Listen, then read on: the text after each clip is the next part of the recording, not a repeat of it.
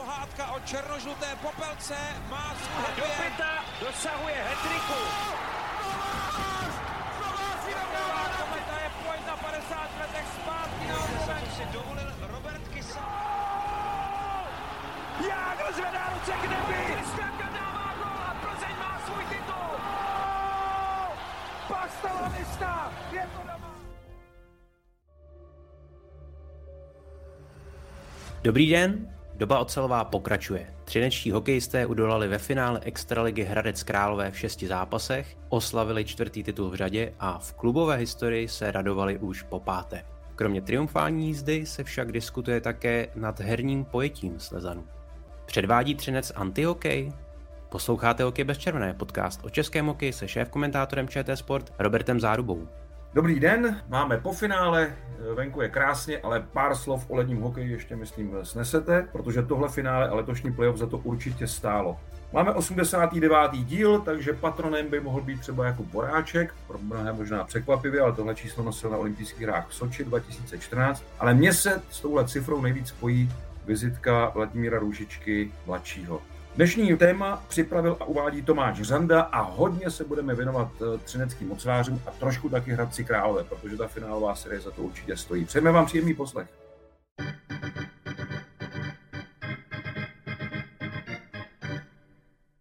Ačkoliv Hradec Králové dal vzpomenout na semifinále a podobně jako tehdy Vítkovice dokázal zdramatizovat finálovou sérii, tak sedmý duel už nevydřel. Třinečtí oceláři si po závěrečné výhře 4-1 znovu potěžkali Masarykův pohár v domácím prostředí a jako první tým došli z předkola playoff až k titulu. Přitom eh, to nakonec ale vypadalo, že Třinec jako kdyby nemohl eh, tu nadějně rozehranou sérii a velice rychle rozehranou sérii, kdy vedl 3 na zápasy, uzavřít a východočeši prakticky zády ke zdi se vrátili do finále dvěma výhrami a nakonec k tomu sedmému duelu nebylo zase tak daleko. Má to několik důvodů. Podle mého pozorování se v extralize týmy lépe srovnávají s tou situací 0-3 na zápasy než dřív. Ono prostě platí to pravidlo, že se z téhle té situace série otočit nedá u nás. Nikdo v playoff to nedokázal, jenom v baráži a v nižší soutěži. Ale ty týmy si říkají, ale my to můžeme udělat jako první. A už jsem to pozoroval té sérii Hradec Vítkovice, kdy Vítkovice opravdu tomu věřili, že z té vyrovnané série dokážou ten sedmý zápas a čtvrté vítězství v řadě vykouzlit. A myslím si, že Hradec eh, prokázal stejné zaujetí, stejnou víru, což tu sérii hodně zdramatizovalo, protože herně Manfield nebyl o tolik horší a v těch zápasech které prohrál v úvodu doma, dokonce byl herně i lepší, ale tady se hraje na výsledky, ne na krásu nebo na převahu. E, potom taky je tu faktor, o kterém budeme mluvit, a to je délka letošního playoff, hlavně, pro mistry. Jak jste říkal Tomáši, e, oceláři jako první vůbec prošli tu nejdelší cestu od předkola až k Masarykovu poháru. To se předtím nikomu nepovedlo. Vlastně jedinkrát se o to pokusila, nebo jedinkrát se k tomu přiblížila Kometa v roce 2012 ale na nižší počet zápasů, protože uh, tehdy vyhrála předkolo taky 3 jako Třinec letos a potom další dvě série 4-2 a 4-1. Takže těch zápasů měla ve výsledku míň. Zvládla to teda na 20 utkání, což ale i tak je, je teda opravdu unikátní zátěž a těch 20 zápasů v playoff vlastně zvládli v historii pouze Kometa 2012, Plzeň 2013, kdy vyhrála titul, ale to Střinec, který se dostal až na 22 zápasů. Takže tam už potom ta únava uh, před tím posledním krokem, nebo při tom posledním kroku přeci jenom nějaká byla. Byla to, bylo to extrémně těžké playoff a taky trvám na tom, co jsem napsal na Twitter, že Hradec byl nejtěžší soupeř v téhle situaci. Musíme si uvědomit tu situaci, v jaké oba týmy byly, kde oceláři přece jenom už neměli tu svěžest ze začátku a ze série proti Spartě, ale eh, byli opravdu umlácení už eh, těmi boji, velmi těsnými sériemi, takže v téhle situaci byl pro ně Hradec opravdu nej, nejtěžší soupeř a byl taky nejlepší, byl výborně připravený a řekl bych, že byl eh, docela blízko k tomu sedmému zápasu a bylo to velice těsné v tom šestém utkání. Takže to odhodlání Hradce to, co jsem říkal o Třinci, vedlo nakonec k tomu, že ten poslední krok to byl opravdu Hillaryho výšvih pro, pro oceláře. Bylo to opravdu hodně, hodně jako na té, na té trase to byla taková dost vysoká překážka. Když půjdeme po stopách finálových zápasů a budeme se bavit nejprve o herních aspektech třineckého úspěchu, tak musíme mluvit o vůbec komplexních výkonech celého týmu, protože Třinec se mohl spolehnout na perfektní obranu, tradičně s vynikajícím brankářem, čtyři vyrovnané a hlavně produktivní útoky a jak uvedl sám trenér Zdeněk Moták, obětavost, kam můžeme zařadit i blokování střel, dále bojovnost a také chuť vyhrávat. No a já bych se právě u té poslední poznámky zastavil, protože mi přijde, že Třinec je aspoň tedy prozatím podobně nenasytný a chce stále vyhrávat eh, jako v Sitín eh, v druhé polovině 90. let. Ale princip toho vítězení je, je jiný. Není, není postaven eh, jenom na nakupování těch nejlepších hráčů z extraligy, což byla tehdy hodně jako výhoda Setína s těmi petrodolary, s těmi úplně nečistými penězi, uh, pocházejícími do značné míry z nelegálního obchodu s lehkými topnými oleji, uh, vlastně dávali v Setínu určitou finanční výhodu. Já si myslím, že Třinec v tomhle není tak vpředu, jako byl tehdy v Setínu. To je první důležitá věc. Neboli, abych to teda dal na nějakém příkladu, myslím si, že Eh, Patera s Procházkou by dneska eh, do Třince neodcházeli, že by spíš šli do Pardubic, možná do Sparty, což se tehdy taky polovině 90. let málem stalo, že jo? tam už bylo to ten slib rukoudáním majiteli Sparty panu Charouzovi. Um, takže není to jenom hokejová kvalita, je to, je to zároveň i určitá charakterová výbava toho mužstva, eh, kdy se daří do toho týmu přivádět a nechci říct zaškolovat, to, to se mi nelíbí, ale hledám ten lepší termín, mm, možná, možná uh, zaučovat hráče, kteří přichází od jinut a neznají ještě ten, ten princip toho třineckého úspěchu. A myslím si, že dobře to vystihl Daniel Voženilek, když odcházel z Českých Budějovic a tu smlouvu podepisoval ještě před playoff, pak vlastně v playoff uh, zazářil s tím svým neuvěřitelným příkladem obětavosti, kdy hrál teda s vážným zraněním v obličeji, dohrál tu sérii se Spartou a eh, byl v ní velmi, velmi platný, velmi viditelný, tak on řekl ještě dávno předtím, když se ptali, a proč teda vlastně odcházíte, proč jste to podepsal, když tady v Budějovicích vám to takhle sedlo, tak nehledě na to, že to podepsal už dávno před začátkem playoff, tak on řekl, já chci poznat tu vítěznou mentalitu Třince.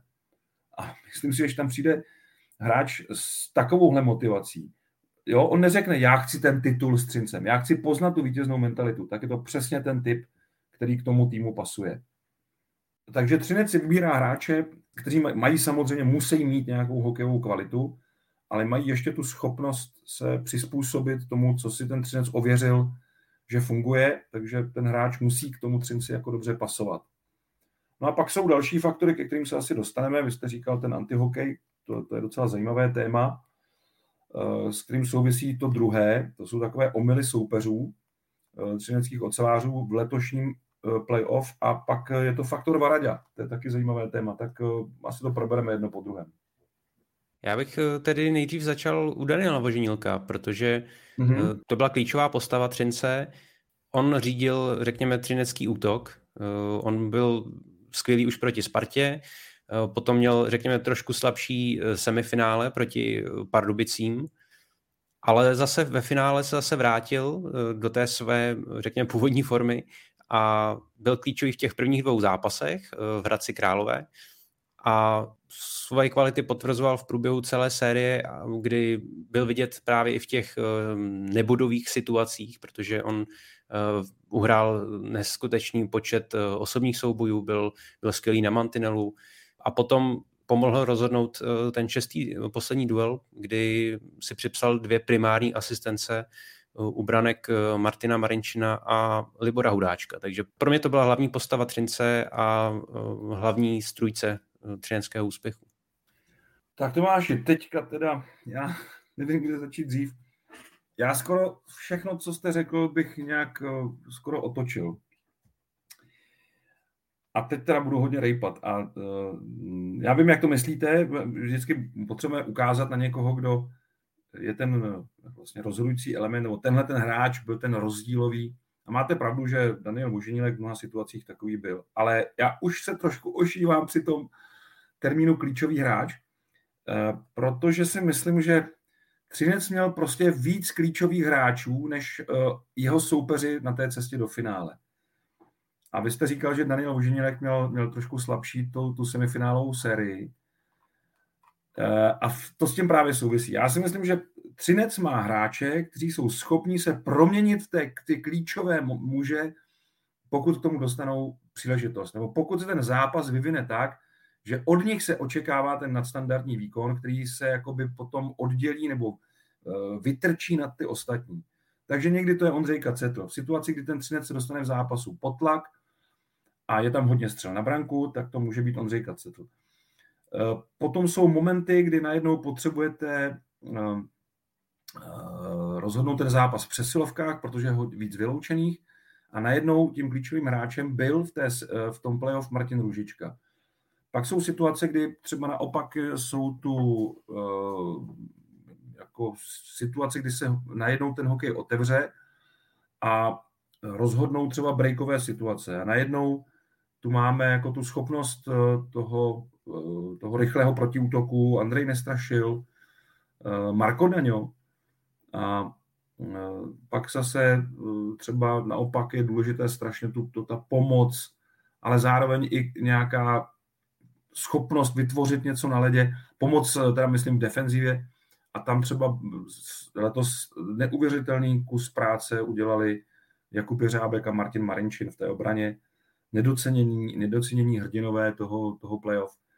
Takže těch klíčových hráčů měl Třinec prostě víc. A to, že z toho vytrčil Daniel Boženílek, možná souvisí s tím, že na rozdíl od všech jmenovaných nikdy nehrál za národní tým.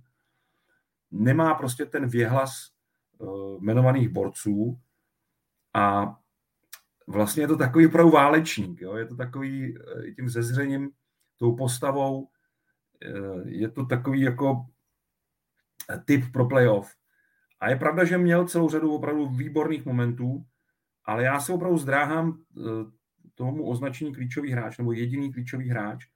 Já si myslím, že kouzlo nebo úspěch Třince spočívá v tom, že klíčovým hráčem se tam může stát kdokoliv, a hodně hráčů na tu šanci je připraveno. Mentálně i, i hokejově. Mm, když řeknete, že řídil útok, tak si myslím, že opravdu jo, třeba tu hru v té formaci, jak, jak končila po tomto playoff, spíš řídil Andrej Nestrašil, respektive spíš zajišťoval bezpečí té, té liny a uh, my jsme si to pak ještě potom potvrzovali po, po tom šestém finále. Jsem se o tom s Andrejem Nestrašilem bavil, tak říkal, že vlastně Eh, jo, že eh, Libor Hudáček, eh, Daniel Voženilek, že jsou tu trošku takový tuláci, potom ledě, že občas trošičku jako se někde zapomenou. A on, že se teda držel v tom playoff malinko víc zpátky, když měl jako takový spoluhráč. On taky neměl pevnou lineu, jako to byla další věc, že neměl bratry Kovařčíky, jako v minulém playoff, kde teda byl podle mě nejužitečnějším hráčem ocelářů, ale to se mu tu tam teda střídalo a on přece má rád, když ty spoluhráče má jako trošku jako stálejší. No a, a právě jsme se o tom jako bavili, že třeba e, jako jo, to pak je strašně vidět, jsou ty nahrávky nebo to napadání nebo nějaké věci, které se podaří vytvořit, ale ta lajna musí ten mini zápas odehrát buď na nulu nebo v, nebo v plusu. A na tom má zásluhu ten, ten hráč, který to zajistí, celou tu, celou, celé to dobrodružství na ledě vlastně, dá se říct tak eh, těch eh, hráčů prostě bychom našli z Libor Hudáček, taky si myslím, že on rozhodl některé klíčové zápasy, které tu sérii dost jako významně ovlivnily eh, v semifinále a já si myslím, že kdybychom měli teda mluvit o kategorii klíčový hráč, tak pro Třinec hovoří to, že má víc klíčových hráčů, než měli ti ostatní, ti ostatní soupeři. O to je na samostatnou kapitolu. Vlastně teď ani nevím, jestli jste zmínili i Tomáše Marcinka, to je vlastně takový myšmaš, protože on možná v sobě skloubí všechny ty vlastnosti, o kterých jsme se teď bavili, protože je no, dopředu i dozadu. No jasně, to ale budeme, to takhle pojďme teda každýho hráče, protože výborné momenty měl Lukáška nějak v tom playoff, který nakonec vlastně nebyl na ledě v závěru, ale měl tam zase v té sérii s Pardubicem měl jeden zápas, který, který vlastně nechci říct rozhodl, ale opravdu hrál tam jako výborně, bylo to druhé utkání, kde, kde dal gól, ale nejen to, prostě byl výborný i v defenzivě, tam překazil klíčovou šanci, myslím si, že Zohornovi, eh, tak eh, jo, to, to můžeme vzít jednoho hráče po druhém a najdeme prostě vždycky, vždycky něco, čím v tom playoff jako přispěl, anebo, nebo kdy v zápas, v kterým buď byl vyhlášen nejlepším hráčem, anebo, anebo byl nejlepší hráč. Eh, bez ohledu na tu volbu. Takže to, je, to se strašně těžko eh, jako upíná na jednoho. Tomáš Marcinko bez pochyby taky. Jako. Navíc přispěl ještě v tom, eh, v tom mystériu toho Třince, že zase tam byl, zase tam byl porod v týmu, o který se teda tentokrát postarali Marcinkovi a Třinec vyhrál titul, že. Tak to už je taky takový rituál trošku.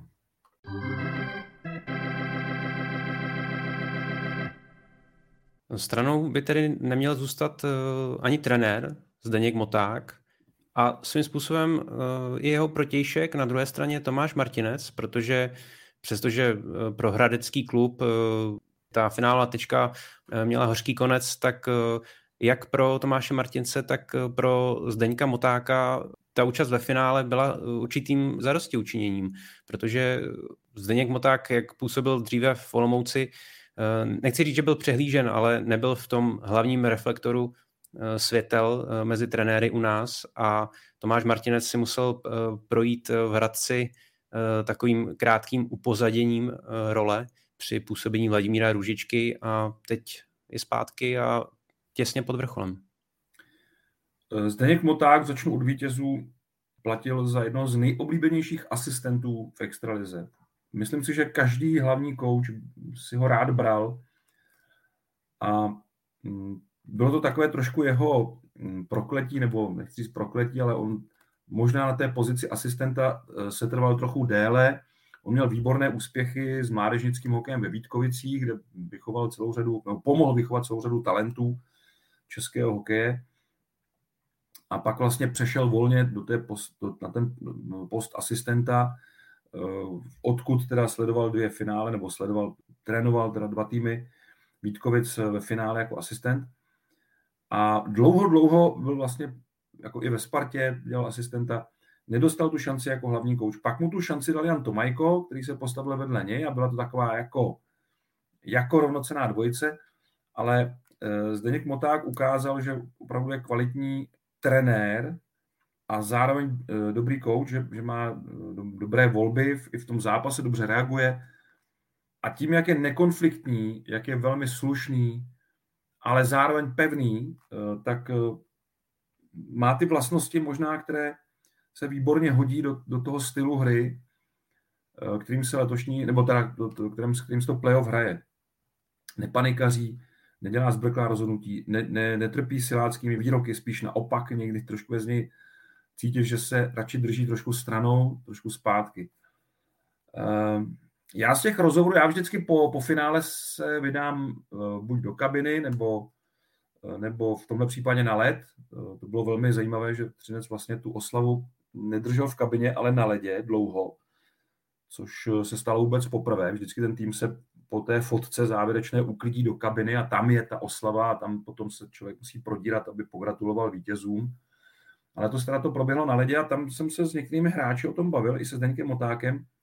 A já jsem teda vyrozuměl, nebo jsem si potvrdil to, co jsem si, jako, co tak jako vypadalo z mějšku, že Zdeněk Moták není úplně uh, typ trenéra, uh, který by navazoval na Václava Varaďu v tom uh, jednání s mužstvem a s hráči, že je, není tak razantní, není tak uh, drsný někdy až, ale spíše naopak eh, klidnější, nechci používat to slovo hodný, to se mi nelíbí, ale, ale klidnější ve vztahu k hráčům až nakonec jsem teda vyrozuměl z těch rozhovorů, že eh, tu roli jako zlého policajta v té kabině museli převzít starší hráči.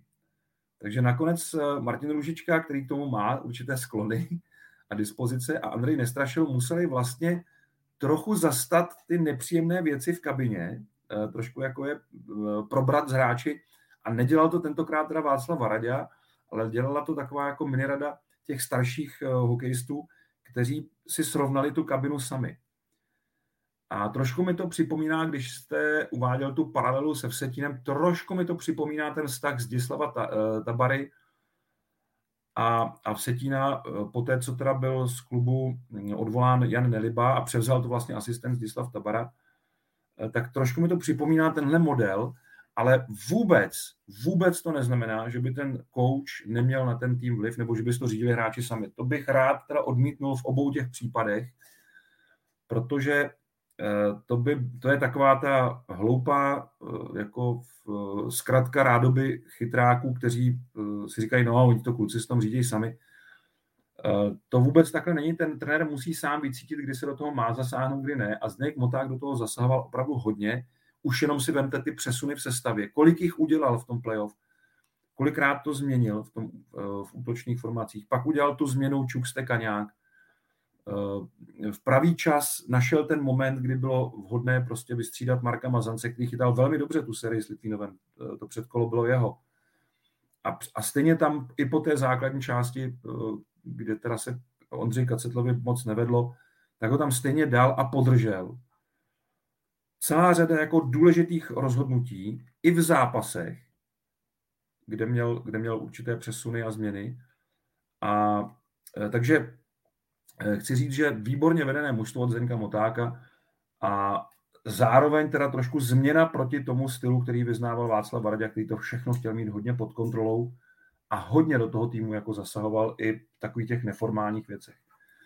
No a eh, Tomáš Martinec je pro mě, teď jsem hodně dlouho mluvil o jeho protějšku, ale Tomáš Martinec je pro mě eh, největší kandidát na trofej pro trenéra roku, za to všechno, čím teda musel projít v Hradci Králové a jak tým dokázal připravit na playoff. Já jsem Hradec letos z nějakého důvodu, když jsem ho viděl na Spartě v závěru základní části, já jsem říkal, letos Hradec postoupí do finále a myslím si, že to je do velk, z velké části ta schopnost Tomáše Martince uplatnit hráče, kteří nemají tak vysoké smlouvy, kteří jsou dokonce na hraně smluv uplatnit je v playoff v situaci, kdy se třeba někdo zranil, a nebo kdy se mu zdálo, že ten bojovník z té druhé, třetí řady je lepší než ten borec, který by normálně asi měl tu roli zastávat.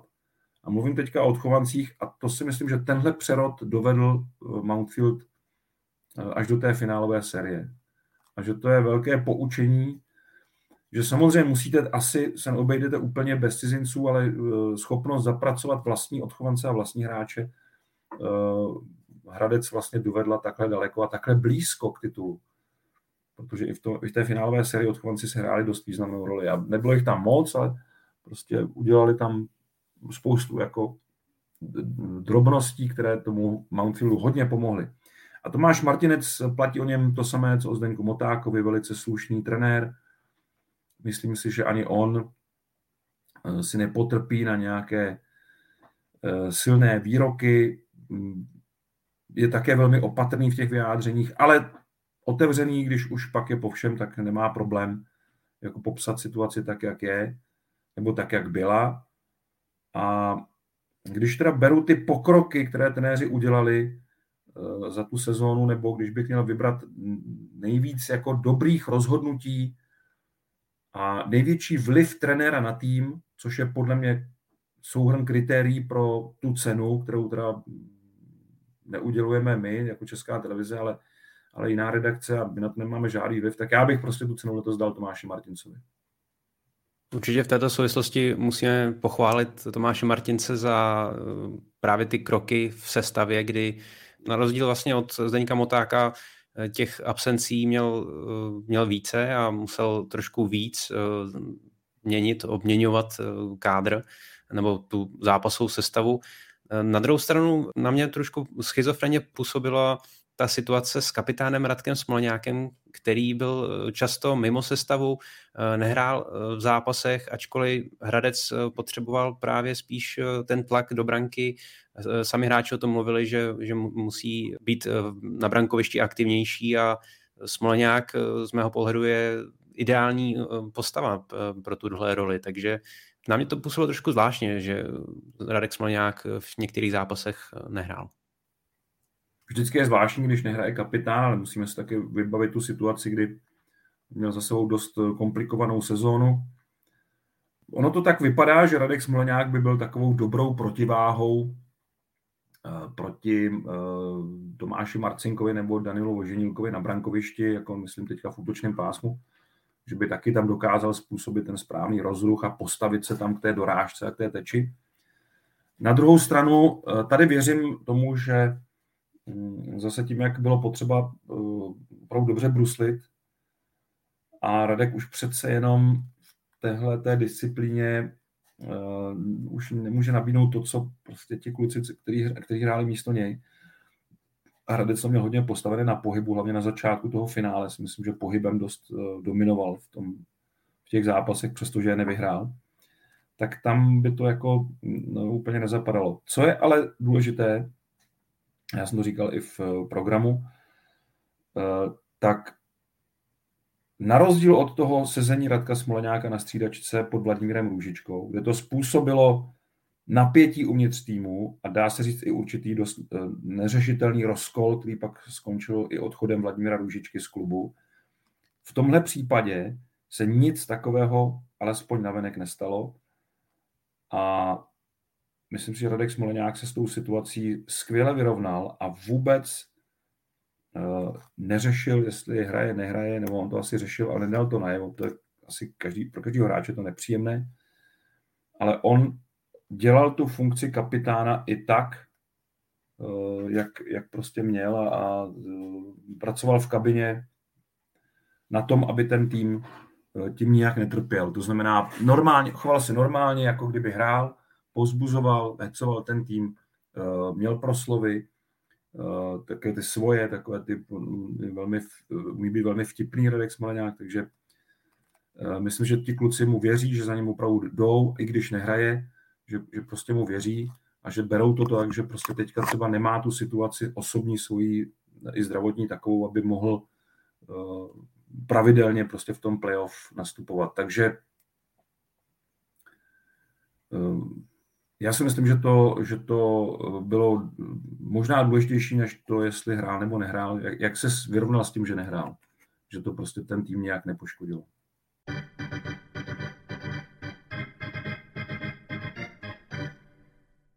Mluvili jsme o tom, že Třinec sehrál rekordní počet 22 zápasů playoff. V tomto ohledu tedy překonal ten dosavadní rekord Komety a překonal Kometu i v počtu kalendářních dnů, protože Třinec strávil v playoff 52 dnů. A zajímavostí je určitě fakt, že Třinec došel k titulu v té finálové sérii bez přesilovkového gólu že si to uhrál při hře 5 na 5. Takhle, přesilovky už delší dobu eh, neplní to kliše, které se k ním pojí, nebo které se s nimi pojí, že rozhodují playoff. Přesilovky vlastně v té finálové sérii, zvlášť tom finále, kde už oba týmy mají za sebou hodně dlouhou cestu a taky dávají hodně materiálu tomu soupeři, aby, si, aby se na ty přesilovky dobře připravil, což je docela důležité v dnešním hokeji tak přesilovky nehrají takovou roli, ale poprvé od roku 2016 se stalo, že mistr prohrál na přesilovkové góly v finále. Tehdy Liberec se Spartou docela výrazně 3-7, ale to teda eh, paradoxně dost jako neuvěřitelně 0-1. Eh, já jsem nedohledal teda v sérii, v které by mistr ve finále nedal ani jednu přesilovku. Jo? Třinec strávil v početní převaze 21 minut a 10 sekund a nedal gól. To je celá jedna třetina přesilovek a nedal gol. Ale možná důležitější je, že eh, ubránil ty přesilovky Hradce. Eh, Hradec měl 17 minut, 18 sekund a dal jeden gol v tom druhém zápase doma, který ale prohrál. Takže je vidět, že přesilovky opravdu nehrály nějakou zásadní roli. A že daleko důležitější byla teda hra v oslabení, která zabránila tomu, aby Hradec ztrácel v těch zápasech kvůli tomu, že Třinec měl opravdu výborné přesilovky a to též platí vlastně o hradeckém oslabení. Taky těch trestných minut nebylo tolik, jako, jako v minulosti. Že když se podíváme loni, tak loni hrála Sparta ve finále půl hodiny přesilovek, opravdu, opravdu hodně času. Třinec s Libercem 2.21 hrál 35 minut přesilovek, dal 6 gólů. Ale to z těch přesilovek bylo mnohem míň. Bylo to vlastně na, na ten přesilovkový čas, to bylo nejchudší playoff vůbec, že se opravdu hrozně málo vyučovalo, že ten kurz rozhodčích, ať už k tomu byly důvody jakékoliv, se zmírnil viditelně a tím pádem ani nebyla tolik šance jako si ty přesilovky zahrát. No a já pořád čekám na ten antihokej, dostaneme se k tomu. Můžeme tedy eh, vlastně plynule navázat, protože hmm.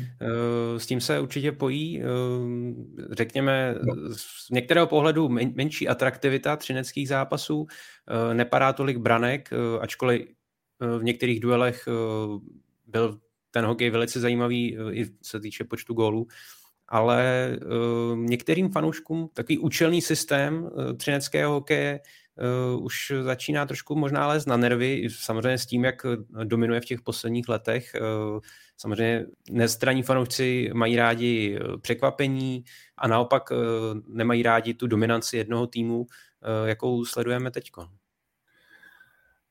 No mě ten termín antihokej sedí ke všemu možnému, jenom ne k Třinci. Já si myslím, že to je ne, trošku nepochopení toho stylu, kterým se prostě playoff hraje. A zároveň je to, já nevím, jak to říct, no, mně to přijde jako taková jako slepota eh, k tomu, co ten eh, tým předvádí. Já, já teda mám eh, to spíš spojené tak, že oni samozřejmě oceláři mají to hodně postavené na obraně, o tom, na tom, aby nedostávali góly, ale zároveň mají schopnost měnit styl té hry, a to i během zápasu, a to včetně postavení třeba ve středním pásmu, které je někdy velmi pasivní, ale pak zase z ničeho nic je tam pasáž čtyř, pěti, sedmi střídání, kde oceláři jako najednou se úplně jako zblázní a začnou hrát úplně jinak, to napadání začnou eh, mít úplně jinak postavené a jinak teda stojí v tom středním pásmu, což je vždycky vlastně ten, ta známka té uvozovky neatraktivity hry. Uh, tak uh, já si myslím, že tady spíš jako hm, hodně lidí zapomíná na to, že Třinec dokázal v tom playoff eh, hrát mnohem pestřeji než, než jenom pasivně. A trošku si myslím, že to je eh, daně, daně toho, toho úspěchu, že Třinec opravdu hodně dobře hraje v, v obraném pásmu. Tam je skoro jedno, kdo zrovna je na ledě, jestli je to první nebo čtvrtý útok, tam opravdu všichni stojí a, a jezdí a hrají velmi podobně. A z téhle unifikace možná vznikl ten dojem, že Třinec hraje neatraktivní hokej. Já si to prostě nemyslím. Já myslím, že jenom s antihokejem se vyhrát playoff prostě nedá. Dá se s tím vyhrát jeden zápas, což Třinec taky jako dokázal v té sérii, skoro v každé, ale stáhnout to jenom k tomu, nevím, to, nevím, co bychom pak museli říkat o té sérii mezi Hradcem Králové a Vítkovicemi, která byla velmi skoupá na góly. Já si spíš myslím, že Třinec je schopný eh, z kratšího času převahy v zápase eh, vytěžit výhodnou pozici z hlediska skóre. Já jsem to říkal během toho druhého utkání finálové série eh, v přímém přenosu, že Hradec si se eh, kontroluje hru, ale Třinec kontroluje výsledek. A to si myslím, že je ten rozdíl, ke kterému ústí tenhle ten, tenhle ten, tenhle ta schopnost Třince měnit ten styl hry podle situace, podle potřeby. Takže jestli v něčem Třinec dominuje, tak to není obraný hokej, ale schopnost ten hokej měnit a přizpůsobit okamžité situaci na ledě, momentální psychické eh, atmosféře v tom zápase, to, to prostě když dáte gol soupeře rychle vyrovná, tak kde je ta výhoda? Na straně toho soupeře. Takže tomu je potřeba vždycky přizpůsobit trošku ten styl hry. A v tomhle umění si myslím, že Třinec vyniká nad ostatními. Není to jenom v tom, že by uměl líp bránit. Umí prostě líp vyhodnotit tu situaci v zápase a třeba i v té sérii a líp se na to mentálně nastavit. Jedna věc. Druhá věc, lepší mentální nastavení na každé jedno střídání, o kterém jsem mluvil, v zápasech, kdy Třinec eh, nakonec eh, ten vyrovnaný boj překlopí na svou stranu. To s tím souvisí, je to zase jiná forma té schopnosti dobře reagovat na situaci v tom, na situaci v tom utkání.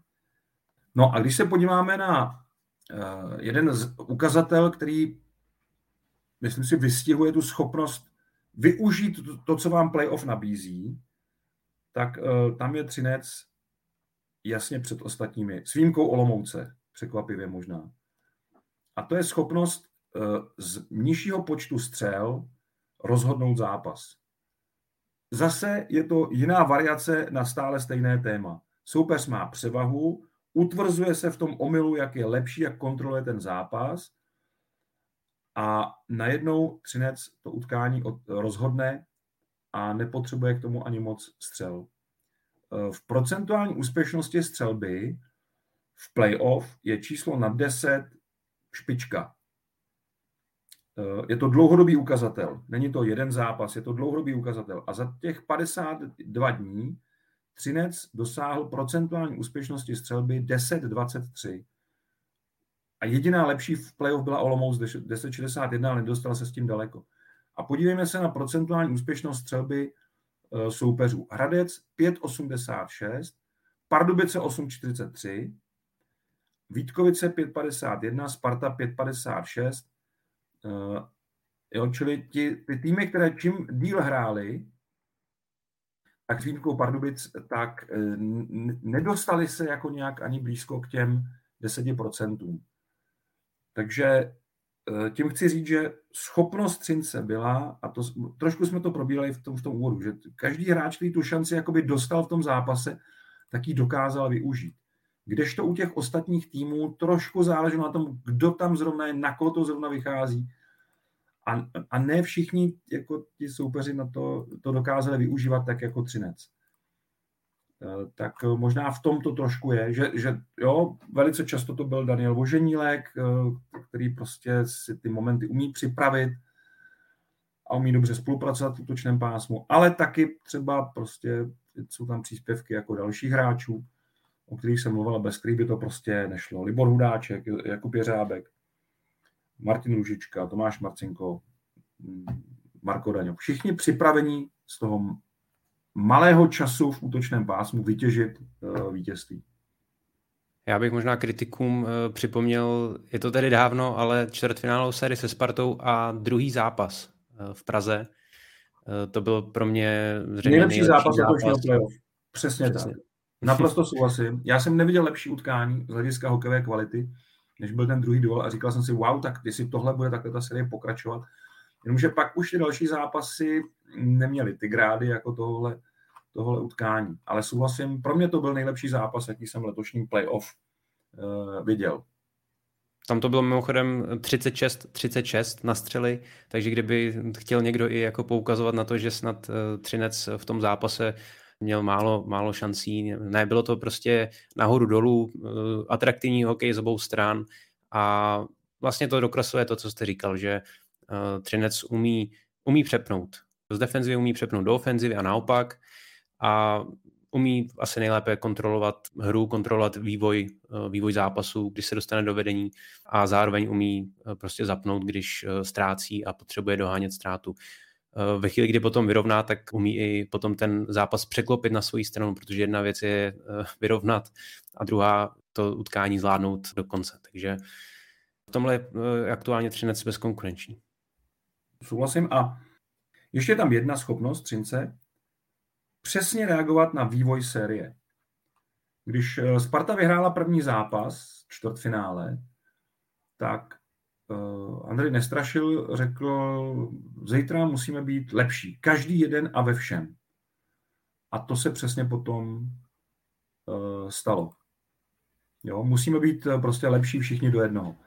A to se přesně stalo. A v momentě, kdy Třinec ztratil doma ten, ten čtvrtý zápas a pak i v Hradci ten, ten pátý duel, tak zase okamžitě po tom zápase v těch rozhovorech už bylo znát, že není to takový to, já už jsem na všechno zapomněla, jenom se soustředím na další zápas. Oni si to vyhodnotili a řekli, pořád vedeme 3-2 a pořád jsme se nějak dostali sem do téhle situace. A věříme tomu, co děláme a musíme to jenom zvládnout líp. Taková ta zvláštní schopnost uh, věřit, že za každé situace ta série je vlastně pro Třinec hratelná a že i když v tom čtvrtfinále oceláři prohrávali se Spartou 0-1 na zápasy a pak ještě 1-2, tak to stejně dokázali otočit. Není to jenom tak, že Třinec kontroluje jenom, když vede v sérii nebo v zápase. To umí výborně, ale on dokáže taky uh, něčím vyhodnotit prostě, nebo nějak vyhodnotit, co je potřeba jako udělat pro to, aby se ta série překlopila a otočila. A v té sérii se Spartou to teda byl výkon Ondřeje Kacetla ve čtvrtém zápase, kde měl těch 39 zákroků a, a řekl bych, že dva roky nebyl Třinec pod takovou palbou. E, jo, tam v té první třetině to bylo 5-17 na střely a to hrál Třinec doma. Tak e, a stejně z toho Sparta neměla nic než stav 1-1. Tak tohle jsou jako momenty, který oceláři jako skvěle zvládají. A to si myslím, že je trošičku odkaz toho Václava Varadi, že on tohle ty hráče jako naučil. On, on, on má tu mentalitu, a to je ten jeho, uh, dá se říct, uh, duch, který tam jako přetrvává v té kabině, ale všechno ostatní letos bylo postavené na motivaci vyhrajeme to i bez Václava Varadi. A to byl další strašně silný motiv ocelářů, od vedení klubu až po hráče, kteří chtěli dokázat, že to jde i tou jinou cestou, než kterou si představoval Václav Varadia ke kterému pořád mají v Třinci velký respekt a zcela oprávněně, to asi kdokoliv, kdo hokej sleduje, tak ví, že to, co dokázal v Třinci, je, je, je jedinečná věc.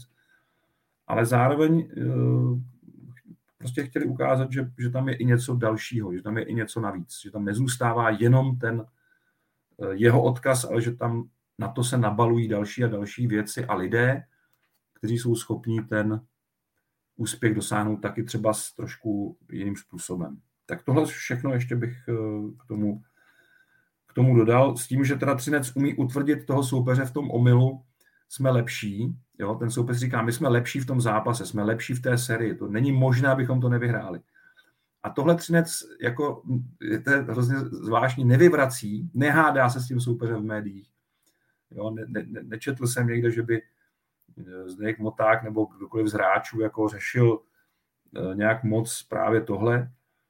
A možná teda ta nálepka toho antihokeje vlastně tomu Třinci jako výborně vyhovuje, protože to pak je pro toho protivníka mnohem těžší jako zkousnout, tak my jsme lepší, oni hrajou tohle a stejně s tím vyhrajou. Jo? Takže ten omyl, eh, ať už s tím antihokejem nebo s, tou, s tím, kdo je lepší v té sérii, tak ten oceláři, já nechci, že to pěstují u toho soupeře rádi, ale, ale nebrání se tomu. Říkají si, jo, jako v pohodě, tak, to, tak to myslete a my jdeme hrát. No. Takže to je, to je to, co si myslím, že patří taky k tomu, co Třinec jako výborně nastavil v těch posledních letech v playoff. Já jsem ještě uh, zaregistroval na, na sociálních sítích uh, jednu paralelu a to, že Třinec se probránil k titulu, něco jako ve fotbale na mistrovství Evropy Řecko v roce 2004. Uh, jenže individuální statistiky říkají něco úplně jiného. Jistě oceláři odehráli v playoff nejvíc zápasů, ale prakticky ovládli veškeré individuální statistiky, protože kanadské bodování vyhrál Martin Ružička, a za ním byli jeho tři spoluhráči, nestrašil Boženílek Marcinko, až jako pátý byl eh, Oliver Okuliar z Hradce Králové. Eh, to samé mezi střelci, eh, Martin Ružička nejlepší střelec devíti góly a za ním Hudáček nestrašil Boženílek se šesti a i mezi nahrávači. Andrej nestrašil s Danielem Boženílkem po deseti asistencích nejlepší asistenti, takže skutečně takový ten pocit z toho, že, že Třinec jen brání a tou, tou tuhou defenzivou, přes kterou se nemohou soupeři prosadit, dojde k vítězství, je prostě milná. Ono v těch osobních statistikách je to opravdu dáno počtem zápasů, ale mm, ta představa, že jenom obranou lze vyhrát zápas, je, je skutečně milná. Tam prostě ten gol někdo dát musí. A tohle vůbec, e, to, to, já si myslím, že to je jenom nepochopení toho, jak se e, vyřazovací zápasy mají hrát. Je to prostě jiný charakter soutěže než základní část. A je teda pravda, že Třinec měl výbornou defenzivu, že ji má prostě výbornou, že v ní nedělá moc chyb a má brankáře, který je schopen se na to playoff jako mimořádně dobře připravit. Opakovaně, to už není náhoda. A vyhovuje mu tenhle ten styl, kdy mu teda ten tým hodně pomáhá v té obraně. Ale um, jenom obranou se ten titul vyhrát fakt, fakt nedá.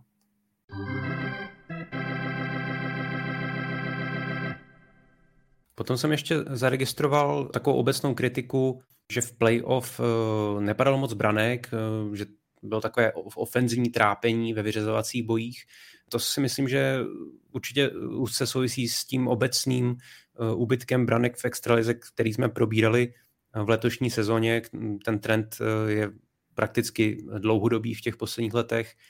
A ten pocit určitě umocnila semifinálová série mezi Vítkovicemi a Hradcem, kde zcela eh, zřetelně padalo méně branek a hodně těch zápasů eh, šlo až do prodloužení a jedno bylo dokonce i to eh, rekordní.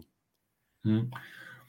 No, Vítkovice skončili letošní playoff se skore 25-25 ze 13 zápasů a hm, třeba Sparta dala v šesti zápasech 11 gólů. Samozřejmě, že to je dané tím, že Eh, Třinec a Hradec proti těmhle soupeřům dobře bránili. To je jako pravda. Na druhou stranu, eh, když teda máte v týmu Petra Müllera a, nebo Michala Řepíka nebo jiné opravdu dobré střelce, eh, tak čekáte, že těch gólů přece bude trošku víc. Že, že to jako ten tým dokáže jako zlomit a hlavně v těch přesilovkách, kterých teda zase v těchto seriích nebylo tak málo. Eh, v tom semifinále hráli Vítkovice v průměru 6 minut eh, přesilovek na zápas. To není málo.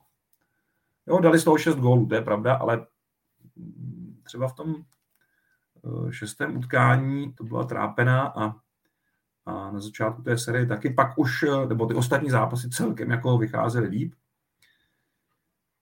No ale stejně ty góly prostě proti, proti Hradci chyběly a ubytek gólů určitě ano, pořád platí, první třetiny jsou u nás Eh, součástí rozcvičky na zápas, mi to tak přijde někdy, byť ten rozdíl mezi první a druhou třetinou v playoff nebyl tak velký, jako v základní části, kde teda eh, ten eh, deficit gólů z prvních třetin je, je daleko výraznější. Tady to byl rozdělen pěti branek, ale určitě to souvisí s tím, že se obecně začalo víc bránit v extralize. A zvlášť v důležitých zápasech takže se méně riskuje a tím pádem padá méně gólů jak pro ten tým, který se do toho risku pustí, tak i pro ten tým, nebo od toho týmu, který, který ten risk může eh, využít. A všechny údaje tomu jako nasvědčuje. Je statistika střel ze slotu, z toho nebezpečného území před brankou. Eh, taky si myslím, že těch střel je míň a hlavně Eh, ona ta statistika je trošičku jako zavádějící tím, že vždycky záleží na postavení hráčů a na situaci, z jaké ten hráč střílí, jestli to přihrávka přes osu nebo z pozabranky, to má jinou prostě kvalitu potom, protože postavení brankáře je jiné většinou. Jo, taky rychlost té přihrávky rozhoduje, čili to, není to úplně jako vše vypovídající statistika, ale přece jenom o něčem trochu taky svědčí, že těch příležitostí, vypracovat si eh, tolik příležitostí v playoff a v základní části letos eh, nebylo možné, protože týmy začaly pod dojmem toho, s čím se prezentuje národní tým, který se taky víc upnul na obranu, tak, eh, tak prostě i ty týmy v extralize začaly trošku víc bránit. Já bych určitě zmínil tu velkou vyrovnanost těch nejlepších týmů v letošní sezóně, kdy se Extraliga skutečně hodně srovnala. No a ve finále byly dva nejunavenější týmy, protože Třinec šel až z předkola a Hradec měl za sebou tu náročnou sérii v semifinále s Vítkovicemi, takže v tom finále už přece jenom těch sil ubývalo uh, rapidně víc a uh, asi se nedali očekávat uh, nějaké gólové hody, když navíc jde do tuého a uh, v sádce je tedy titul. No, k tomu není co dodat. No. To samozřejmě ta cesta byla hrozně těžká, ale klobouk dolů teda před kondiční přípravou obou finalistů a tady bych možná opravdu malinko víc upřel pozornost na Hradec Králové, který v těch zápasech s Vítkovicemi působil tak, jako kdyby ta dlouhá prodloužení ani nehrál v těch posledních třech zápasech té série, kdyby se jako vlastně nic nedělo. A ve finále v těch prvních dvou zápasech měl Hradec výborný pohyb.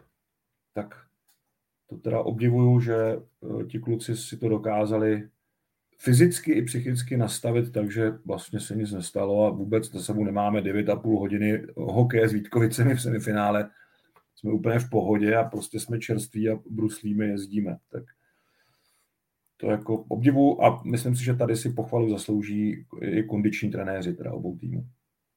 A na závěr mám eh, ještě dvě zajímavosti. Jedna souvisí s prodloužením, protože těch eh, letos přibylo a když se podíváme na ten rozšířený formát eh, předkola playoff, které se hraje poslední tři sezóny, tak Eh, těch prodlužovaných zápasů přibývá. Předloni bylo 8 prodloužení, loni 10 a letos, nutno tedy podotknout zejména díky té sérii mezi Vítkovicemi a Hradcem, jich bylo už 15. No a velice pozitivní byla návštěvnost v playoff, protože eh, průměr diváků na jeden zápas eh, se vyšvihl na 7127 návštěvníků, což je nejvíc od roku 2016. Návštěvnost bych vůbec neřešil, to je něco, čím extraligové playoff přebíjí všechny ostatní soutěže, včetně fotbalu u nás. Playoff extraligové je, je opravdu obrovsky populární. Já si pamatuju časy, kdy to začínalo a diváci, fanoušci, kluby, hráči se na to dívali s velkou nedůvěrou v 80. letech. Ještě stále Eh, po rozdělení Československa a když už teda Extraliga běžela dlouho samostatně, tak se dlouho hrálo jenom na tři vítězné zápasy. Nebylo nekonečné prodloužení a nájezdy rozhodovali každý ten zápas, který se teda nastavoval. A po roce 2001 se to změnilo a najednou se začalo hrát i na čtyři vítězné zápasy. A já si pamatuju eh, výrok Stanislava Šulce, který tehdy, ředitel Extraligy, který tehdy říkal, že Eh, dřív se na to playoff všichni dívali s nedůvěrou a, a, a skoro to nechtěli hrát a říkali že to je nespravedlivý, že tady nějaká základní část, ta, ta, ta se maže a všechno začíná znova. A jako to byly ty osmdesátky a tady najednou po tom přelomu tisíciletí už převládla jednoznačně ta preference super playoff, výborná věc, soutěž. Máme něco, co nemají ostatní sporty a hlavně fotbal. A, a Stanislav Šulc říkal, te, a, a teďka to je tak, že ty kluby nejradši by tu základní část přeskočili, jenom se nalosovali, kdo bude playoff začínat doma. Tak to přesně vystihuje uh, tuhle změnu nálady. Uh, a začalo to v 70. letech jako vlastně nechtěná novinka z, z NHL, kde teda z těch letech 71 73 se na to dívali všichni úplně skrz prsty. A kdyby tehdy nevyhráli ty týmy, které vlastně měly tu sezonu dobrou, tak, tak by to bylo asi jako těžký. Eh, ono tenkrát hráli čtyři týmy do playoff. No to byl úlet. V roce 91 mimochodem taky hráli jenom čtyři týmy playoff, takže je vidět, že ty začátky prostě byly spojené s velkou nedůvěrou a teprve časem se to úplně otočilo. Eh, no a pak je tu něco, co eh, hokej prostě, hokej sedí a to je ten rys toho válečnictví. Tohle k tomu hokej skvěle sedí a ostatní sporty se tomu snaží přizpůsobit. Fotbal vlastně eh, teďka do toho v posledních letech vložil tu nadstavbu, ale to je prostě jiný sport a tam nevím, jestli to úplně funguje, ale hokejové playoff je skutečně nejsledovanější soutěží, ať už na stadionech nebo v televizi u nás a mnoho důvodů pro to, eh, proč to tak je. A co se týče prodlužovaných zápasů, no tak 5 z 15, jednu třetinu obstarala ta série Hradec Vítkovice, nebo Vítkovice Hradec formálně. To se předtím nikdy nestalo, aby se prodlužovalo pět utkání. No a mm, taky si pamatuju dobu, kdy vlastně se zápasy playoff nekončily tím prodlužováním a čekáním na vítězný gol ze hry, ale že končily prostě bez výjimky po 70 nebo 80 minutách eh, nájezdy. Takže to už taky eh, nemáme. A eh, ta debata se znovu objevila, jestli se k tomu nevrátit po tom dlouhém, vlastně rekordním zápase ve Vítkovicích. A přiznám se, že na to nemám úplně jednoznačný názor, protože mě ty nájezdy nepřijdou jako úplně špatný instrument, ale odpor mezi hráči vůči tomu je, je obrovský, takže to bych zase jako respektoval, ale já jako divák bych s tím asi takový problém neměl. Leč respektuju, že, že Extraliga se rozhodla ty nájezdy trochu omezit a ten kompromis, kdy se do čtvrtého zápasu hrají nájezdy a potom už ne, si myslím, že není úplně špatný a je to jedna z věcí, kde jsme se po nikom neopičili a, a udělali to za mě teda správně.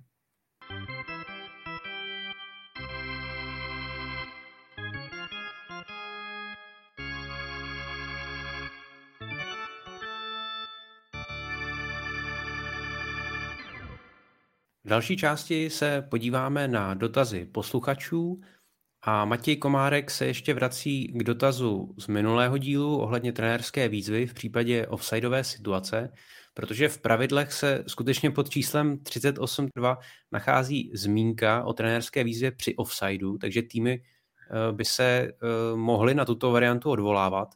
Má to tedy posluchač chápat tak, že se jedná čistě o technologický problém, který znemožňuje aplikaci této možnosti? No ano, v pravidlech to samozřejmě je, ale já nevím, jestli jsem to říkal už minule, ale eh, Extraliga před každou sezónou zveřejňuje výjimky, které má v pravidlech a jednou z těch výjimek, neboli Extraliga má ještě určitá vlastní pravidla a jednou z těch výjimek oproti mezinárodním pravidlům je právě to, že se v extralize nemůže eh, vzít trenerská výzva na offside. Oficiální zdůvodnění je eh, spojeno eh, s technikou, kde existuje projekt ty offsideové kamery, který se klubům zdal drahý a ne, nechtějí do něj investovat. A já jsem už několikrát připomínal, že to je trošku zavádějící vysvětlení, protože i současná technika, kterou eh, kluby eh, mají k dispozici, by prokázala 90% situací naprosto jasně a byla by dostačující. A to, že těch 10% by se neprokázalo, to přece máme i u jiných sporných momentů, kdy nabídnete záběry ze zhora, z boku, z hlavní kamery, z detailové kamery, z mnoha úhlů a stejně vám to tu situaci nepomůže jako objasnit, tak tam je pak na, zůstává rozhodnutí na ledě. A stejně tak to může být i v těch situacích uh, při offsideu. Takže ještě jednou,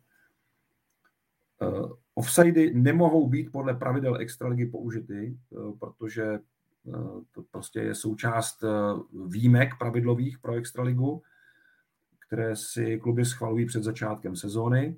V mezinárodních pravidlech to samozřejmě je, to jsem nikdy netvrdil, že není a e, většinou teda se to může uplatnit i na mezinárodních soutěžích. Ne na všech, taky. Jo?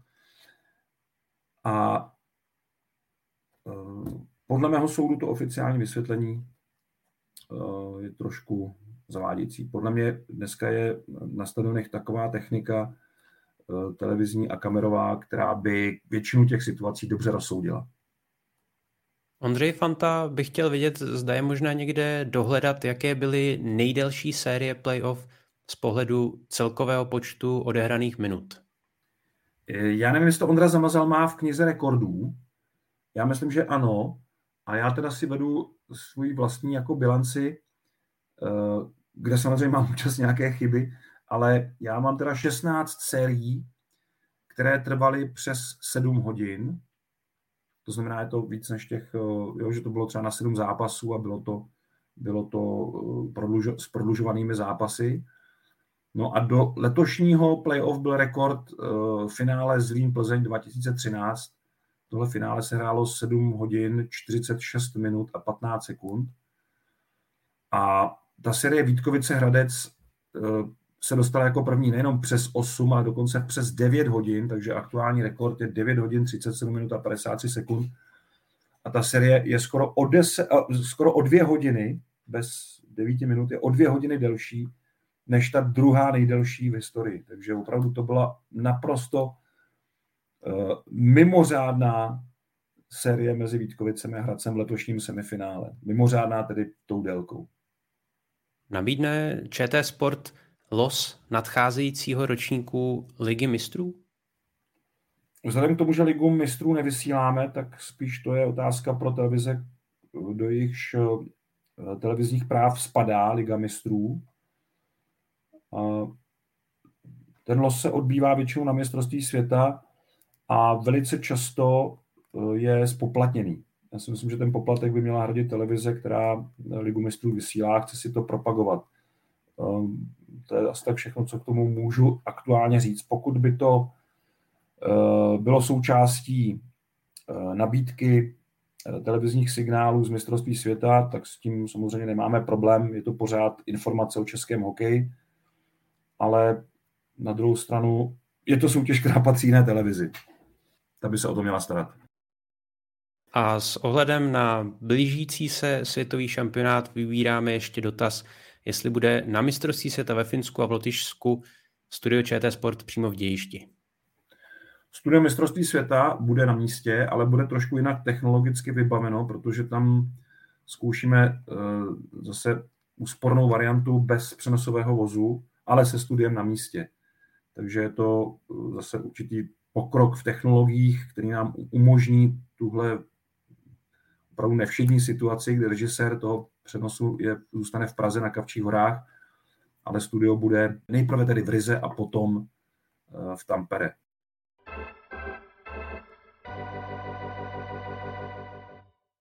V závěrečné rubrice vám nabízíme top 5 momentů finálové série Playoff Extraligy.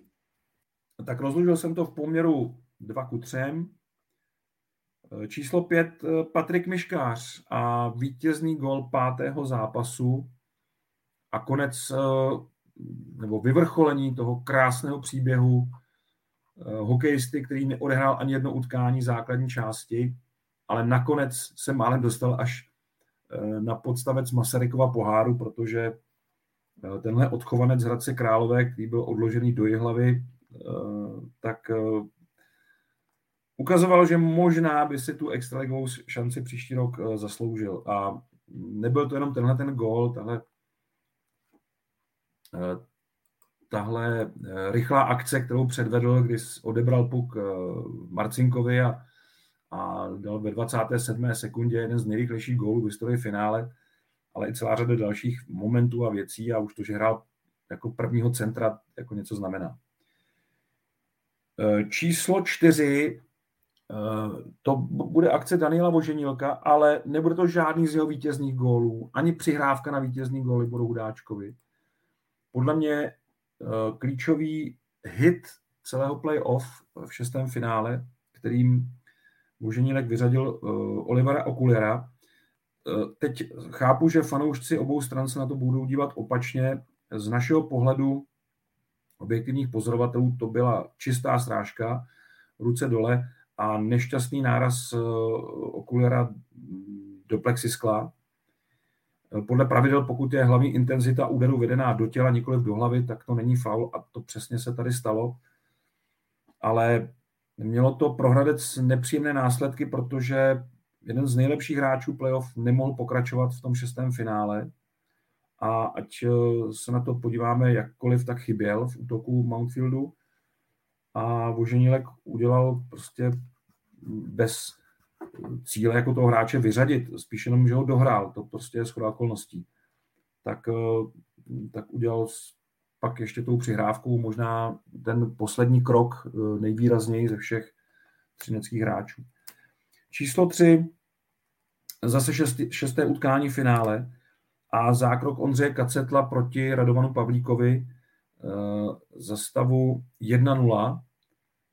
v čase 1930. Pokud by to byla skvělá akce Mountfieldu a vlastně jediná mezera, kterou Třinec nabídl v tom finále, a pokud by tady nezasáhl Kacetl a ten gol do šatny by zapůsobil, tak věřím tomu, že se hrálo sedmé utkání v té finálové sérii. A tenhle zákrok já považuji ze všech těch kacetlových playoff za nejdůležitější.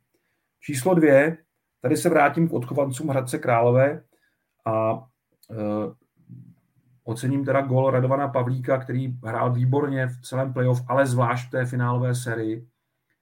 A dal ten gol, jako on říká, trochu šťastně, ale za mě e, tady se přesně ukazuje, že rychlý hráč je občas na místech, kde ho nikdo nečeká. Radovan Pavlík byl najednou úplně sám před kacetlem Myškář tam udělal tu teč, která se odrazila od tyčky a uh, Radovan Pavlík se díky tomu, že prostě na chvilku se ztratil, že on opravdu bruslí jako strašně rychle a účas se prostě ztratí té obraně, tak tady se ztratil a, a vypadalo to jako sn- velmi snadná dorážka, ale byla daná tím, že se prostě Pavlík dobře pohybuje po ledě a tady byl jako suverénně vítězem té situace a uh, tenhle moment si myslím, že rozhodl o tom, že finále neskončí jednoznačně, ale bude ještě, bude ještě set sakra dlouhé. A číslo jedna pro mě, hledal jsem vlastně moment, který tu finálovou sérii nejvíc překlopil na stranu ocelářů. A z mého pohledu to nebyl ten poslední krok, ten už sice byl hodně těžký, říkal jsem, že byl nejtěžší v posledních letech, ale eh, to, že vůbec se k němu Třinec dostal, zajistili ty první dvě výhry eh, v Hradci Králové a v nich, v nich přihrávky Marka Daňa. A pro mě Marko Daňo jako nejlepší střelec základní části tím, že se tak jako trápil střelecky, nemohl dát ten gol. Strašně bylo vidět, že ho chce dát. Pak ho dal do prázdné branky, pak teda rozhodl třetí finále, ale za mě daleko důležitější než ten vítězný gol ve třetím finále byly ty golové nahrávky v obou hradeckých zápasech, kdy teda ten první duel eh, měl dvě asistence, včetně vítězného gólu a ta sklepávka ze vzduchu, kterou udělal před eh, gólem Voženilka, on vlastně přihrál Voženilkovi na všechny tři góly v Hradci Králové v těch prvních dvou duelech, tak ta sklepávka ze vzduchu byla podle mě rozhodujícím momentem celého finále. A Daňo těmi třemi pasy, které měl v těch prvních dvou zápasech, Eh, udělal ten drobný detail navíc, který Třinci pomohl ty zápasy vyhrát, přestože v nich Hradec objektivně měl víc ze hry. A tohle jsou přesně ty momenty, které ten hráč eh, ocelářů dokázal líp využít a díky tomu si myslím, že Třinec se vůbec dostal do toho stavu 3-0, z kterého pak už jenom potřeboval udělat ten poslední těžký, strašně těžký krok, ale vůbec by se k němu nedostal nebýt těchto asistencí. Takže za mě číslo jedna, vítězná přihrávka Marka Daňa ve druhém utkání. Z dalšího dílu podcastu Hokej bez červené je to všechno. Naše podcasty najdete na webu čtsport.cz, ve všech podcastových aplikacích nebo na YouTube. Extraligu máme za sebou, ale už se blíží mistrovství světa, takže se můžete těšit na světový šampionát v české televizi a do té doby se mějte fajn. Přesně tak. Asi další podcast budeme dělat Tomáši o nominaci na mistrovství světa, předpokládám. To znamená po českých hrách. Je to tak? Nabízí se to. Mm. Tak asi tam, eh, byť to bude v tom schonu před odletem na mistrovství světa, který nemám vůbec rád, tak kde těžko hledám nějaký čas eh, vůbec na cokoliv navíc, ale tohle to bychom si asi neměli nechat ujít, protože ta nominace po vyřazení Bostonu možná bude hodně zajímavá. Možná nakonec ne, protože tohle, tohle střebat pro Davida Pastrňáka bude hodně těžké. Nicméně tak či onak, eh, nominace na mistrovství světa je vždycky velké téma, možná jedno z největších v tom týdnu před šampionátem, takže se mu budeme určitě věnovat za týden v našem podcastu, v kterém najdete všechno, co se nám do vysílání buď nehodilo, anebo nevešlo. Mějte se krásně a zhruba za týden se těšíme na slyšenou.